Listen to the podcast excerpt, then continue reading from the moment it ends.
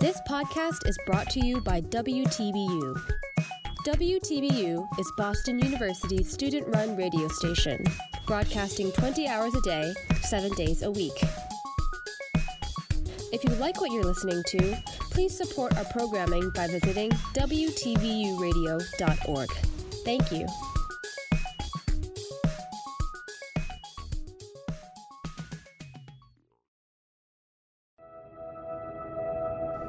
Being in like interfaith communities made me more Jewish. You know, it made me hmm. more secure in my faith.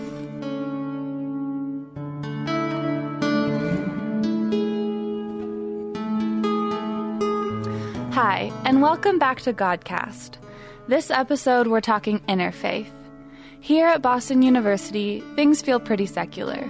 You probably wouldn't get the sense that BU School of Theology was founded in 1839 as the first Methodist seminary in the country and as the founding school of what is now Boston University.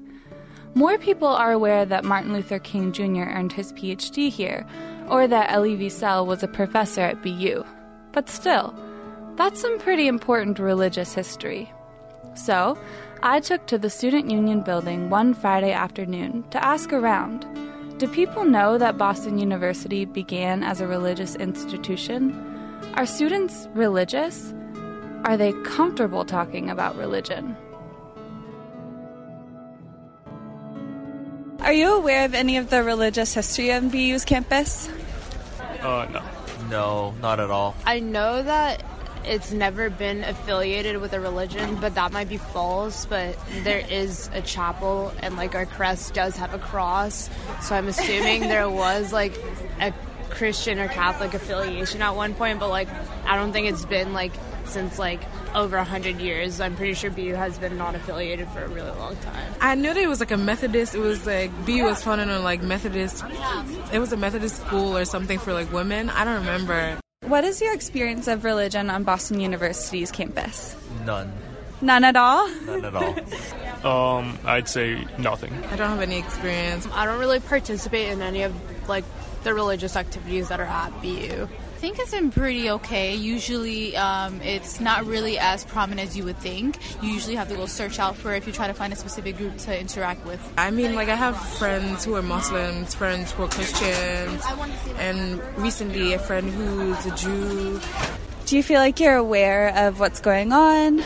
I think I'm aware from like past experiences with like different people that I've had in my life that were different religions, but like other than that, like I, the only awareness that I have is like I know that there is like a Christian or Catholic meeting that happens at the GSU. Um, I go to Hillel quite often, and like Hillel sends a lot of emails. Um, I mean, yeah. I mean, like I'll, I'll have people come up to me sometimes, like on the street, like offering me, like for me to go to like religious events, uh, like the weekend or like at night or something. But I've never gone to any of them. Yeah. Does that feel aggressive or welcoming when they do that? Um, I don't think it's aggressive. Like I, I don't mind it at all. You know, if they're just trying to spread their faith. Like, that's fine with me. Yeah.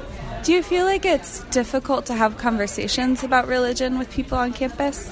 Um, no, I don't think so. I mean, it's tough for me to tell. Like, I, I don't really discuss it with anyone, but no, I, I wouldn't say that. I feel like people are free to talk about religion. That's what I personally believe.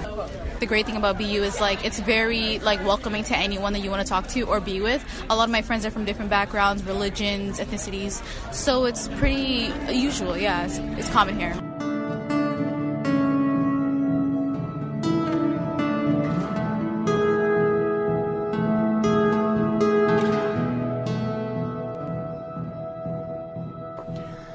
Many postulate that a big part of the increasing numbers of young people who don't have a strong religious identity is that more and more people are getting married to those who don't share their religious tradition. Additionally, the generation of nones, those who would answer none on a form that asks them to provide their religious affiliation, is having kids. One in four millennials now say that they were raised by one of these religious nones. Before 1960, 81% of married people were of the same religious conviction, leaving 19% of marriages interreligious. From 2010 to 2014, the Pew Forum found that 39% of marriages were comprised of partners with different religious identities. And in 2016, Pew Forum found that one in five people were raised with a mixed religious heritage, and one in four married adults were in religiously mixed marriages. We are currently in the midst of a very real shift in which religious identities seem to be increasingly fluid, or at least they appear to be bumping up against each other and finding the edges not as sharp, perhaps, as assumed. But there's also a large number of people who think that this new interreligiosity trend is bad news for marriages. Naomi Riley, author of Till Faith Do We Part, writes that couples in interfaith marriages are, on average, less happy than same faith ones. In certain faith combinations, they are more likely to divorce. While roughly a third of all evangelicals' marriages end up in divorce, that climbs to nearly half for marriages between evangelicals and non evangelicals. It is especially high for evangelicals married to someone with no religion, 61%. Rather than finding a guest with a strong opinion on interreligious marriages, I figured it'd be best to talk to someone who's lived it. Enter Tim. I met Tim Hopkins in my first semester at BU School of Theology, where he is also earning his Master's of Theological Studies. He was born in Cupertino, California, and has that laid back California demeanor. But what I love about Tim is that he is always full of hilarious and unexpected stories. He attended Pitzer College, an interdisciplinary school and part of the Claremont Colleges. There, he studied anthropology and religion, with a focus on religion and society, and an interest in the societal practice of making the mundane holy. Most people at BUSCH are working from some sort of Christian background or belief. But Tim was raised by a Jewish mom and a Catholic dad, and he identifies as Jewish. So I invited him into the studio to chat with me about how navigating those identities continues to affect him today.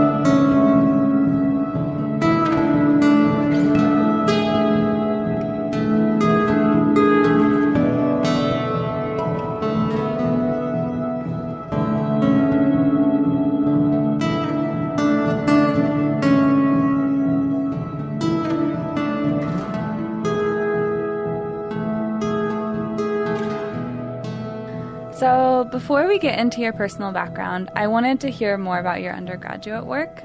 Um, what do you mean by the societal practice of making the mundane into the holy? And can you give an example? Yeah, so I mean, I focused mostly on like how fandom and like pop stars sort of create their own religion in in a sense, you know. I think really good example of that would be Kanye, right? You Yes. know, he's got his Yeezy tour and you know Yeezus and all of that, and like, Like, I am a god? yeah, Yeah. I mean, and his I, the the way he set up his stage when he was doing Yeezus is literally he created like a Mount Horeb or you know mm. Sinai or whatever. his twelve dancers or the twelve apostles, like it's you know it's very Wow. like on the nose. Yeah. Um, and then you have like Lady Gaga, who like, it- you know, it's like an adapted uh, social gospel. You know, it's ethical. It's like blah blah. And but my focus was like, so there are key things that like make up what you know a, a, a um, religion could be. You know, you have the actual physical building um, the the feeling that the space creates. You have a figure, multiple figures that are preaching something. Mm-hmm. You know, they have an established theology. You know, you can see that I am a god or born this way. The born this way video actually was like a very theological video when Hmm. you really think about it. Because at the beginning, you know, Lady Gaga is positing like creator goddess, good and evil. Mm-hmm. You were born the way you were born. You can't change it. This kind of like Yeah, It's a like correction. cosmology almost. yeah, yeah. It's a Yeah. correction to like she. I mean, she's very Catholic. She's very Really? Catholic. Yeah. Oh, yeah. She's super religious. Um, I mean, she went to Catholic school. But like Um, she's still Catholic. She's. I mean, yes. She's she's Italian. She's Italian Catholic. She's she's a Roman Catholic through and through. through and through, um, and that may not. Well, I'm, it comes through, but and not in like typical ways. Yeah. So I mean, I you know I wrote like seventy or so pages, just being like, this is what I think. You know, I talked about social contracts theory a little bit. Can you expand on like basic social contract theory, what that is and how that's relevant? I mean, for me, the the way that I was thinking about it is that like you have this like group of people. Well, maybe less social contract, more rational choice. Okay. You know, um, in that people are making choices for a reason, right? And I think for especially for you know LGBT teens with Lady Gaga, mm-hmm. they're making a rational choice to accept her adapted gospel hmm. of you know of be who you are, mm-hmm. love yourself. You know, if you love yourself, God loves you. Sort of mm-hmm. idea. I mean, you know, it's not as explicitly religious, Right. Because it, I don't know if her fans would accept that, right? Right. I mean, Well, but it is a form of like making meaning from something using kind of a doctrine. yeah. I mean, it's very doctrinal. It's very, Yeah. very doctrinal. Like a little more esoterically, Tupac, hmm. sort of like a Christian figure in a sense. Mm-hmm. That Tupac died for our sins, and that happened to be this gospel of like black is okay. Hmm. You know, when Tupac is not saying "f the police," he's saying you really need to treat women better. Hmm. You need, you know, Right. he wrote songs about how amazing his mother is, mm-hmm. about l- loving each other. I mean, it mm-hmm. comes through. It really does. Yeah. And you look at it, you know, so it's kind of Right. Wow. And then do you remember when there was all that talk of him like wasn't he a hologram at some festival He or something? yeah. Yeah, he rose again. He did. He did Christ rise figure again. totally. He definitely rose Messiah, again. for sure. Yeah, that is so funny. I mean, and you know, there's some credence to that as well, Right. because people are like, "Oh, like Tupac's not dead." Yeah. What do you mean? Tupac's not dead. He's out there, right. Right? Like In our hearts. in our hearts. So I mean, it, you know, it's kind of like, well, little like Christy. Little Christy. Yeah. like scale of one to Christ, maybe a, you know, solid seven. Yeah, Yeah. I'd say not exactly Saint Peter, but like Right. adjacent, right? Adjacent. That's amazing. okay. So, um how do you think like this interest in finding religious doctrine and whatnot in pop culture is related to your religious upbringing? Um, I mean, being from like a mixed religious home, it's kind of, you know, like if you're raised in like a single religion family, you sort of get this sense of like, hey, like this is the gospel, this is, or, you know, whatever religious doctrine you want to talk mm-hmm. about, you know, this is the religious. Right. That's thing. it. Yeah Yeah. and you can choose to and like in california you know you've got a bunch of buddhists and people who are non-affiliated because they moved against that in, in a mm-hmm. sense and said well if I'm being told that one way is the only way. I have to move as far away as possible, right? Right. Yeah. For me, instead, it's sort of like, I, you know, I grew up Jewish, went to synagogue, did Sunday school, learned Hebrew, which I subsequently forgot. Um, which you know is ironic Yeah. because I told myself in like middle school I was like "Psh, I'm never going to use Hebrew and now I'm like how can I learn two years of academic Hebrew in the next six weeks Yeah. right Easy. Easy. um, so yeah, I mean, I raised Jewish, and then I went to Catholic school. My parents were never like super aggressive about me picking a religion. They're kind of like, yeah, you're Jewish, but like you don't have to be super strict about it. You know, um, going to Catholic school. My dad was like, "You're Jewish. You're going to Catholic school. It's a liberal school. Don't worry about it." Mm-hmm. So I got the opportunity to sort of think about like, oh, like what do I hold? As valuable from you know religious this or that. Um, and that sort of became this what is religious? How do you make a religion? Right. what what is the state of faith today? Right? Um, and that turned into this genuine academic interest in like how do we make meaning out of faith? And like where does faith stop and just fandom mm-hmm. begin and why do we i mean obviously there's a reason why we make that separation but like why do we really make that separation you know Right. you can be a person of great like of great faith mm-hmm. and the whatever you have faith in is not one of the or recognized religions right Right. but it's still faith you know Right. Yeah. Yeah, I, I took a class on world religions last semester and we spent a lot of time asking the question like what is a religion and what makes it a religion and like kind of problematizing but also just realizing how hard it is to make a definition of religion fit what we consider to be religion. And so I think that's really interesting and kind of telling. yeah Um, there's so many things I want to pick up on in what you just said, but I guess um, I kind of want to go back to this idea um, of your parents like sort of letting you pick your religious identity, but also it sounds like they decided you were going to be raised Jewish but have like exposure to Catholicism.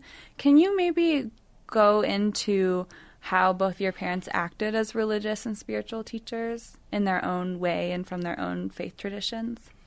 Yeah, I mean, um, I mean, let me start out by saying that my parents, you know, they, I had this conversation with them recently, and they said, you know, when we were deciding what religion to raise you, we had an honest conversation, and my dad basically was like, I was like raising Jewish, you know. yeah. I mean, I don't know, but yeah, I, well, I mean, you Yeah. know, my, my dad is a very relaxed type of guy, you know. Very, you know, I think a lot of my personality does come from him. He's very, very relaxed, very, you know, I, you know, he just cares, right? Um, and so, my my parents just like, all right, raise him Jewish.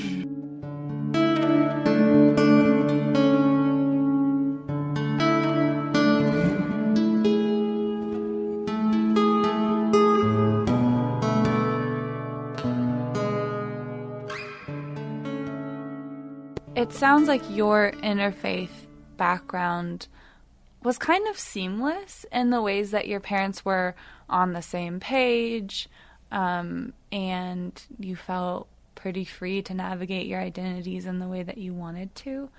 Um, I mean, do you feel like that then was more positive than maybe having like a single framework by which you understood the world in your household? And I mean, do you feel like that allows you to be more open and to engage more freely with other frameworks and like worldviews and Yeah, I mean, absolutely. Yeah. I think that the just the fact that my parents were like, you know, like we raised you Jewish, but like it's it's about what you want. Mm-hmm. You know, it's about what you believe. Yeah. You know, ultimately belief is personal, right? Yeah. Uh, and you know that's what they said to me. Um, and so now, you know, I'm in the position of like, what do I believe? And like, there comes a point where like your personal views have to be consistent with the religion that you follow. And if they are not, you know, it's time to reevaluate. But I've never had that problem because I've been open to just being like, no, nothing is perfect, right? So. Amen. right. So I kind of was like, I'm open to the mm-hmm. teachings of whoever and whatever, you know? There, there's a really good book by Thich Nhat Hanh, mm. who's a oh. Buddhist priest. you Yeah, know? I've listened to his on being interview like Yeah, a million times. You know, he talks about the root of suffering mm-hmm. is human misunderstanding. And mm. for me, I was like, oh, yeah, yeah, that makes sense. Right. Because I, so in my own religious exploration, because I was raised with such a monolithic understanding of Christianity and of the world, it's just like fraught with anxiety because it's like recognizing truth outside of that framework feels like betraying God in a way. Yeah. And but in a way which is really closely tied to salvation and eschatology. Mm, mm-hmm. And so I'm really curious about how that has worked out in your growing up and like what you think now Yeah. because I genuinely believe that there's so many different things at play when people get worried about interreligious marriages, right? They're like, are we gonna um, lose our faiths, like because they don't matter enough? Yeah. um, are like even if we still identify in our various religious traditions like maybe they're not they're just not potent anymore but also i mean especially the quote i pulled from in the introduction is talking specifically about evangelicals and i was raised in an evangelical tradition and there's a huge issue with interreligious marriages and, and evangelicals because like that particular kind of Christianity emphasizes like the Jesus prayer and specific beliefs and affirmations as salvation and everything else is hell. And so of course like if that's where you're coming from weakening or like paring that down and saying, "Oh yeah, you can marry a, a different religious tradition," is super problematic, and it's very present because I was raised with that background. In my own exploration, there's this like anxiety about hell. Um, no matter what I like assent to, it's like in me that fear of hell. Yeah. And so I guess I just wonder, like, with you growing up, how did your parents talk about death and the afterlife? I mean, we did not really talk about it. Hmm. I mean, we still don't talk about it. Yeah, it's not really dinner conversation. It's it's not, you know. That's I mean, I maybe I'll write myself a little note later and call my mom and be like, "So, how do you think about death?" Right? um, I mean, okay, one thing to be said is that in Judaism there is no hell. Hmm. Th- uh, There is like the afterlife, right? you know, uh, I wish everyone could see your flourishes. waving my hands erratically. There's the afterlife, but Yeah. like, yeah, right. like, hell is like v- uh, such an interesting like concept to me because I was not raised with hell. I was, you know, um, yeah. Well, I've read a lot about hell because I'm afraid of it. right? but there's a lot of interesting um, scholars who are saying like from a christian standpoint people argue about hell as like justice Yeah. but they're like it's not just for god to eternally burn someone Right. because i mean you only have a hundred years or so if you're lucky to do evil on Earth. Right, right. Which is, I mean, that's a reduction of the argument, but there's some interesting like things to be said about Christian theologians pushing back against hell, but especially Yeah. like this Protestant hell. It's like yeah. it's something. And then in Catholicism, there's more of. It seems to me, I don't know, like there's more wiggle room in a way with purgatory. Um, Yeah. And like there's like movement. You can kind of change Yeah. your eschatolo- eschatological state after Yeah. death. But like, did you get a Catholic understanding of the afterlife at all, or When I went to Catholic school, yeah. Otherwise, you know, not really. yeah? Um, I mean, the the concept of hell. I just was. n- I cannot remember a time ever that I've talked about hell eh, outside of Catholic school and then now seminary, right? Um, Right. And the only times I've talked about hell in seminary was in a constructive theology class where we were specifically asked, like, afterlife, what's the deal? What do you believe? And then, you know, we read five sections of five different books about mm-hmm. hell, right? Or the afterlife. Yeah. Not just hell, but like a big part of hell is this anxiety mm-hmm. about the afterlife. Mm-hmm. Um, not so much in Judaism, where like, yeah, be a good person because being a bad person is bad, right? There are some rewards for being a good person, mm-hmm. right? But you're not being barbecued for the rest of eternity. You know, you're just like shame on you for being bad, right? yeah. you know, I admittedly I do not have a very evolved idea of hell, just Yeah. because like I don't know, and like in being Jewish, never really thought about hell either, mm-hmm. right? Because I think there's a lot of emphasis on being a good person in this life in Right. Judaism. You know, there's tzedek, like mm-hmm. justice. Mm-hmm.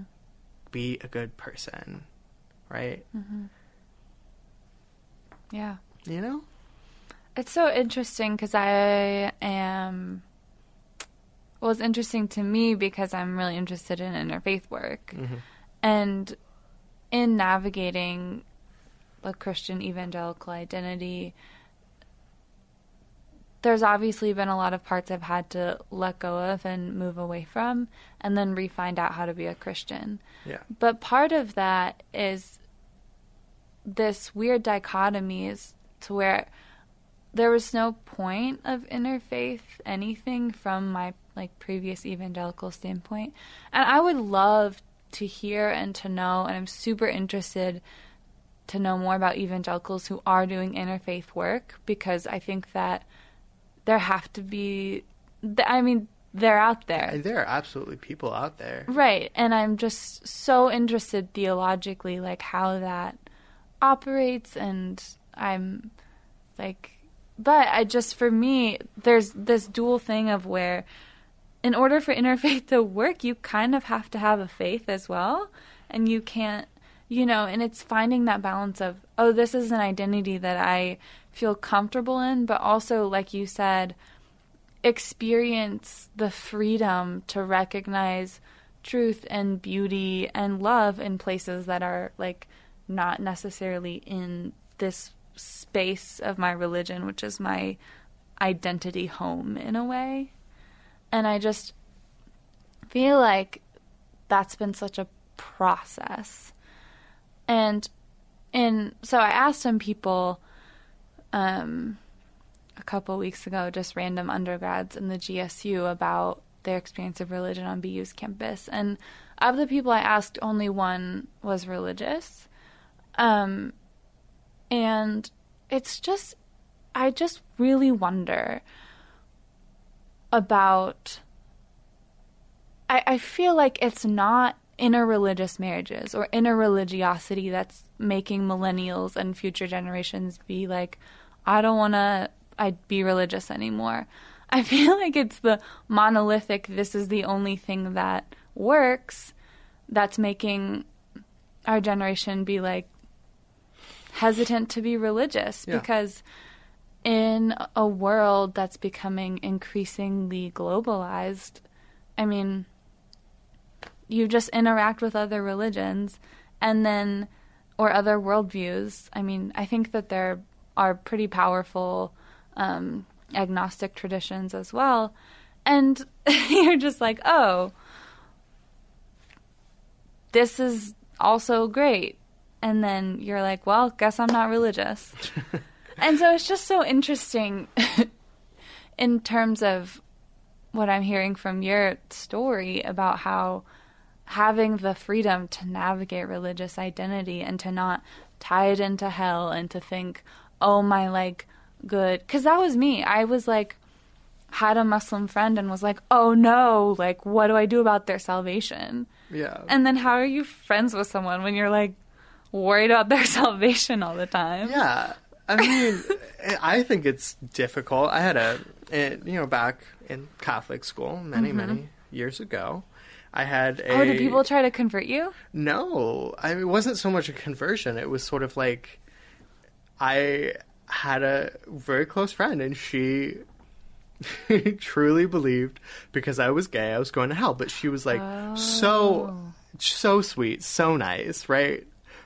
But like, Oh, so it wasn't even that you were Jewish? no, she just was like, I mean, we didn't really talk about my Judaism that much, but like, she was like, yeah, you're gay, you're going to hell, but like, we're friends, so that's chill. And I was like, yeah. Was it chill? I mean, she also didn't believe in gay marriage. She was like, yeah, like, gay people are cool, but like, you shouldn't get married.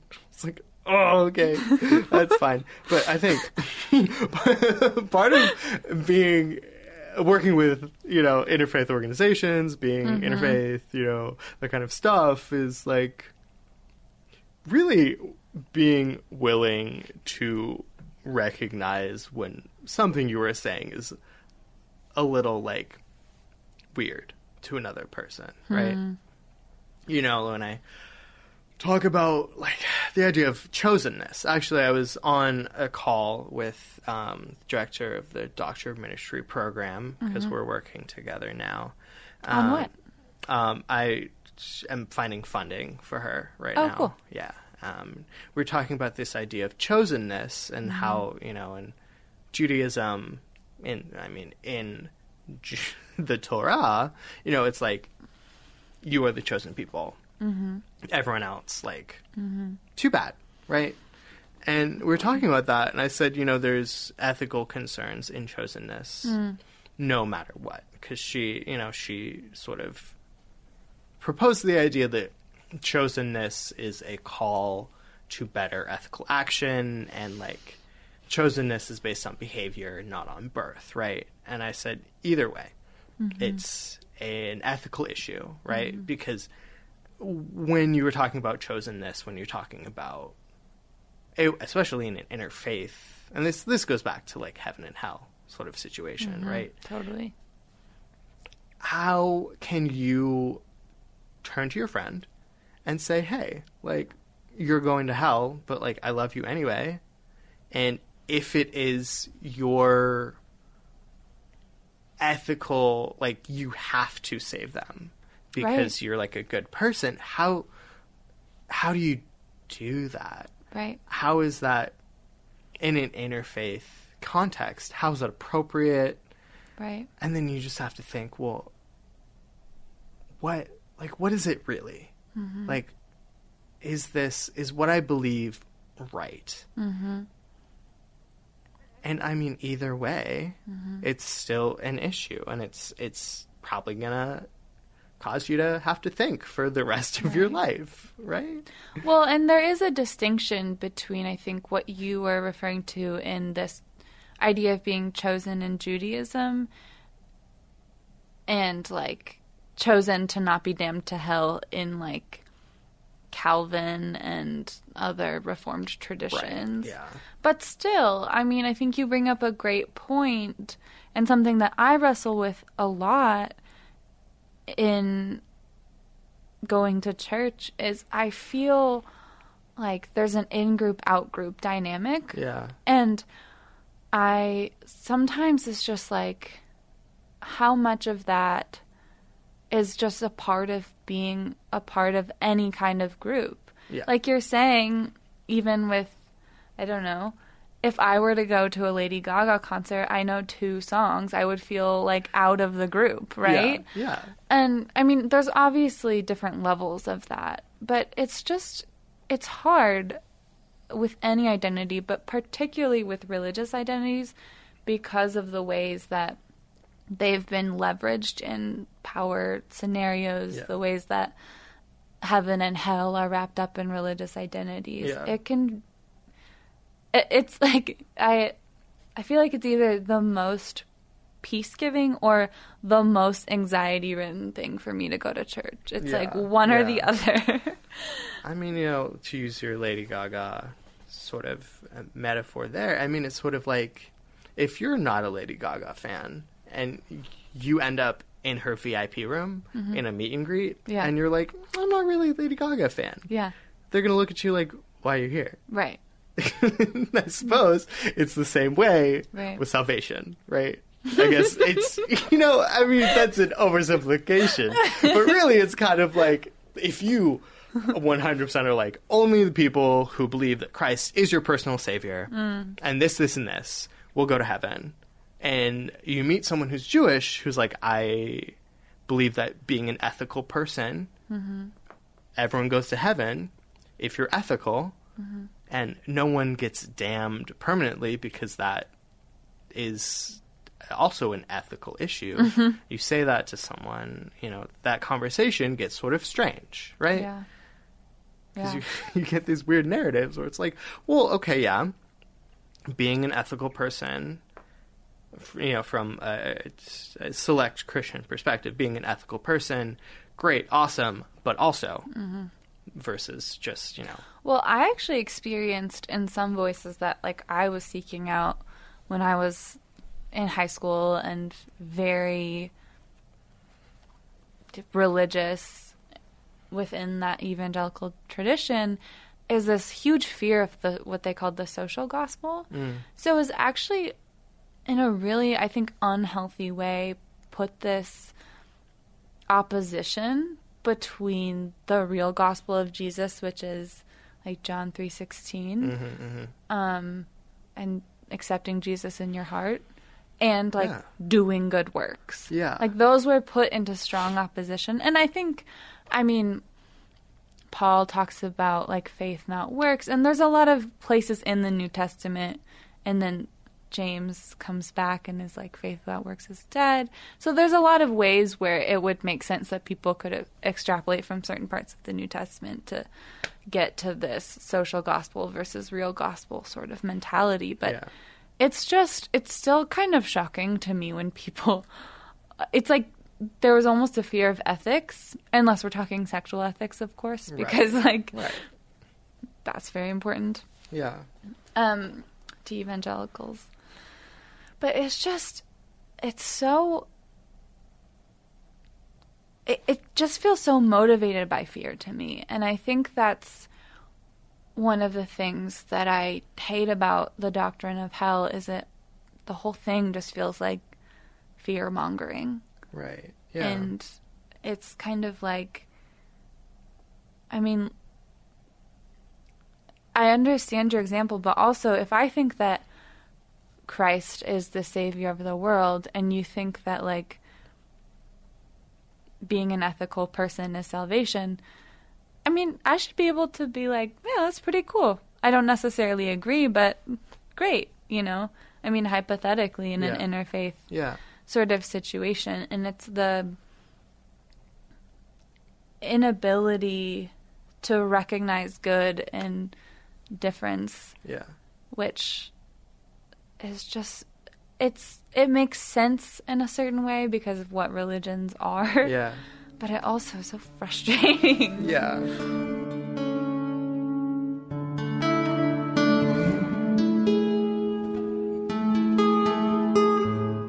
There is one thing that sort of is fairly conservative that covers all of the Judaisms, mm-hmm. and that is interfaith marriage is actually if you're going to become a rabbi, you your partner must be Jewish. They will. I mean, if you have a partner who is not Jewish, and you're going to rabbinical school, uh, they may not. They will not let you into rabbinical school. Oh, wow. usually, yeah. Or they will be like, "That's not okay." Mm-hmm. You know, I don't know exactly what they would do, but Yeah. for example, Hebrew College, part of their policies is like you, if you have a partner, they must be Jewish. Wow. Um, so in that, you know, interfaith marriage still sort of, it's still an issue. Like beyond rabbis, just in the Jewish community. Yeah, Yeah. yeah, it's still definitely an issue in the Jewish community. I mean, less so in the reform community, but still, you know, Like, does your mom talk about experiencing pushback when she wanted to get married to your dad, or vice versa? no. But I'm sure there was. Yeah. Um, I mean, there's always pushback. there's, there, I, it's like, yeah, Yeah. Uh, there's always pushback, even a little bit, right? Yeah. Or even just, and this is where I, um,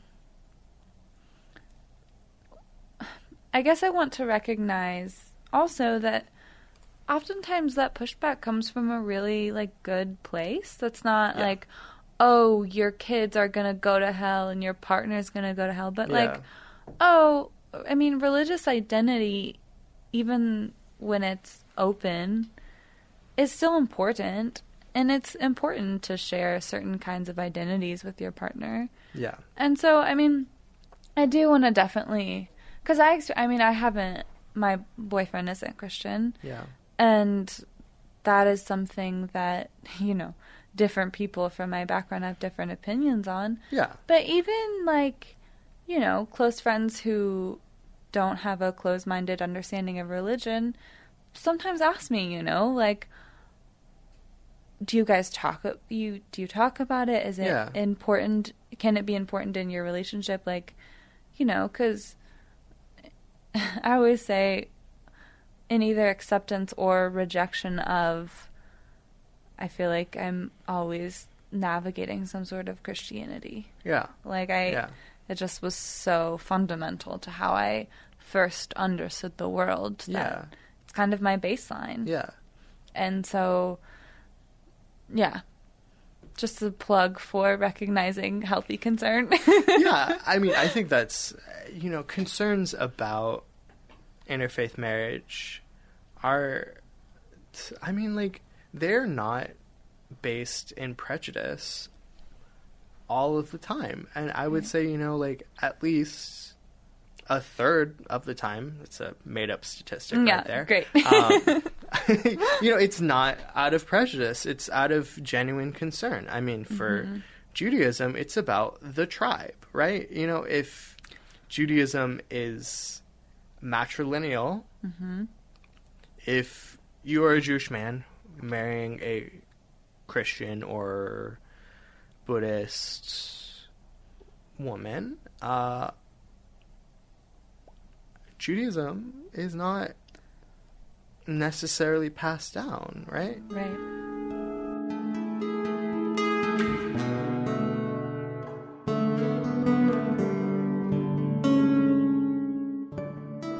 It's been pretty profound, I think, to learn both about um, supersessionism and the Jewishness of Jesus at the same moment Yeah. Because I don't. I mean, I know, I don't want to be like. I, I think there's a way in which there's so much within that tradition that I that Jesus is embodying in a particular way, and there, and it's hard because I don't. I mean, they're they are different religions, and Christianity does not replace Judaism, but there's some connection in there where it seems like recognizing certain parts of the tradition in Jesus has been like some of the most profound parts about what I believe about God. And I mean that question and the telling of stories and that like to be incarnate or to be, I guess, like connected profoundly to the divine through stories and through asking questions and through pushing back on authority and doing internal work as well. I mean, Jesus was like questioning other Jews, right? Yeah. So it's not just the work isn't always just like this us our little group is good and showing other people what's wrong. I mean, I don't know. And I think that interfaith work can help us to see that Yeah. and and especially right now i mean we've obviously been talking mostly about judaism and christianity but there are so many perceptions flying around about islam in particular Yeah. that it's just like well it's it's painful as someone who has muslim friends and who like studies religion. I mean I do mostly feminist theology uh, but has like taken some courses in religion. And it's just like you don't need a course in religion. You need a friend right? Yeah. and you need Yeah. to be able to interact with people of other faiths in order to just realize that the demonization that is happening is not universally accurate or accurate at all.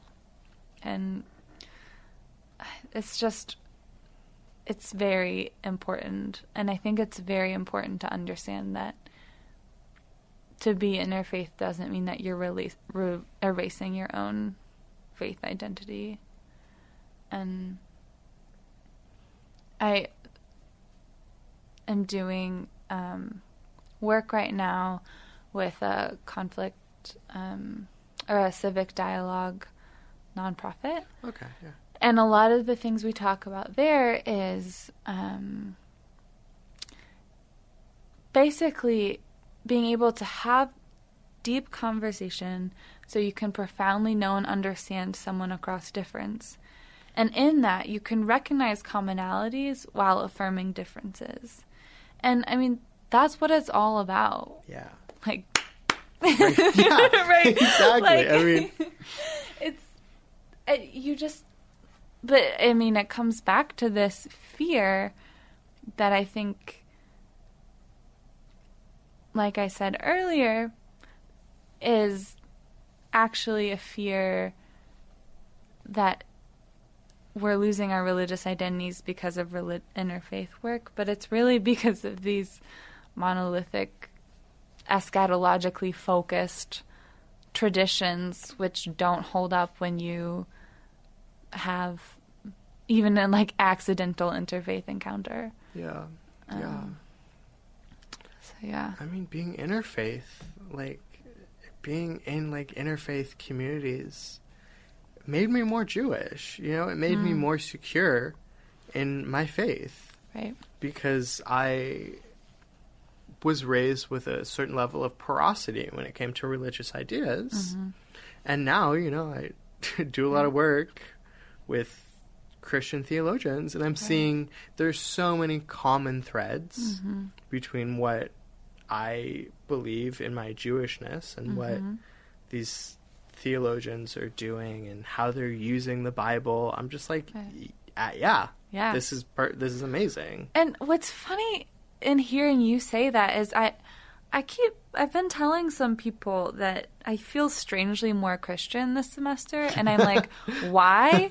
I don't go to church. Yeah. Like I reading the Bible is still fraught for me, but I feel more like I I don't know. And I think part of it is that. I think part of it is I'm increasingly coming to this place of openness which is allowing me to embrace my own Christian identity mm-hmm.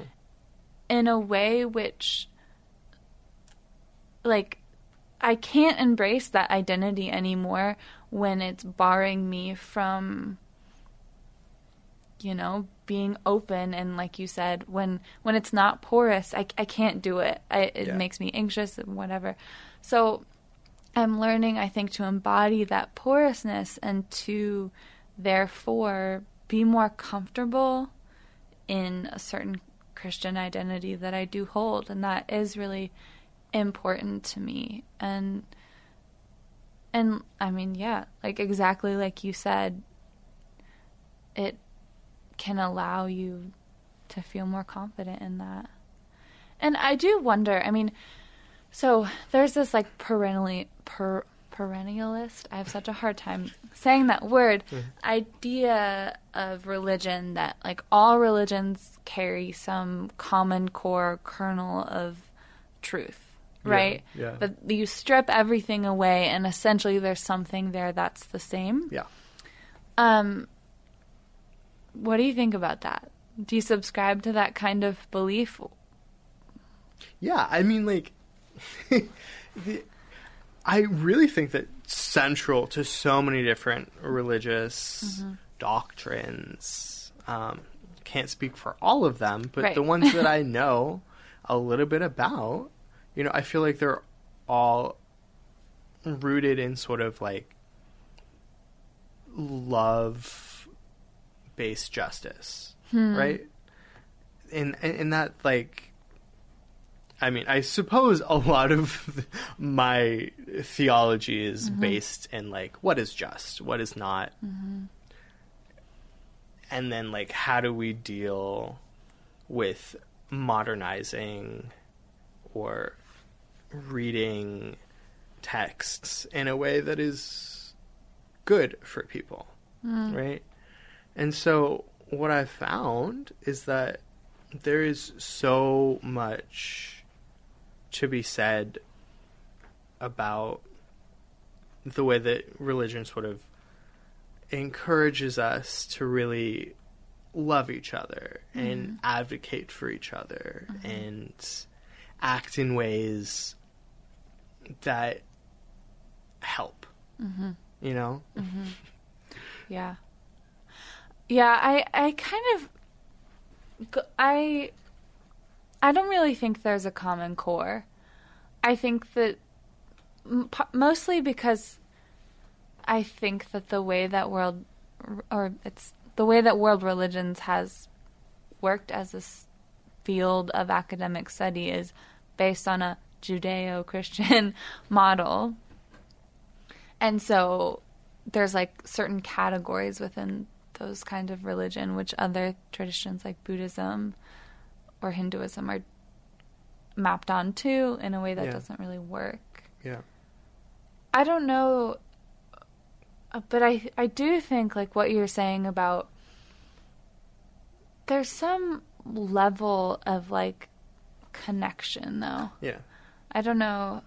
But I, I just wrestle with that question sometimes because, again, going back to this interfaith thing and the difference, like it's important to acknowledge the differences between the Yeah. traditions. Yeah. Yeah.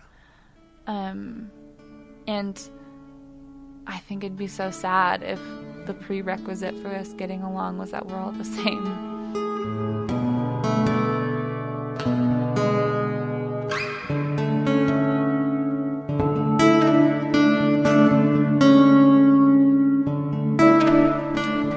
Beginning of this episode, you heard from Lena, Zach, Amal, Phoebe, and John.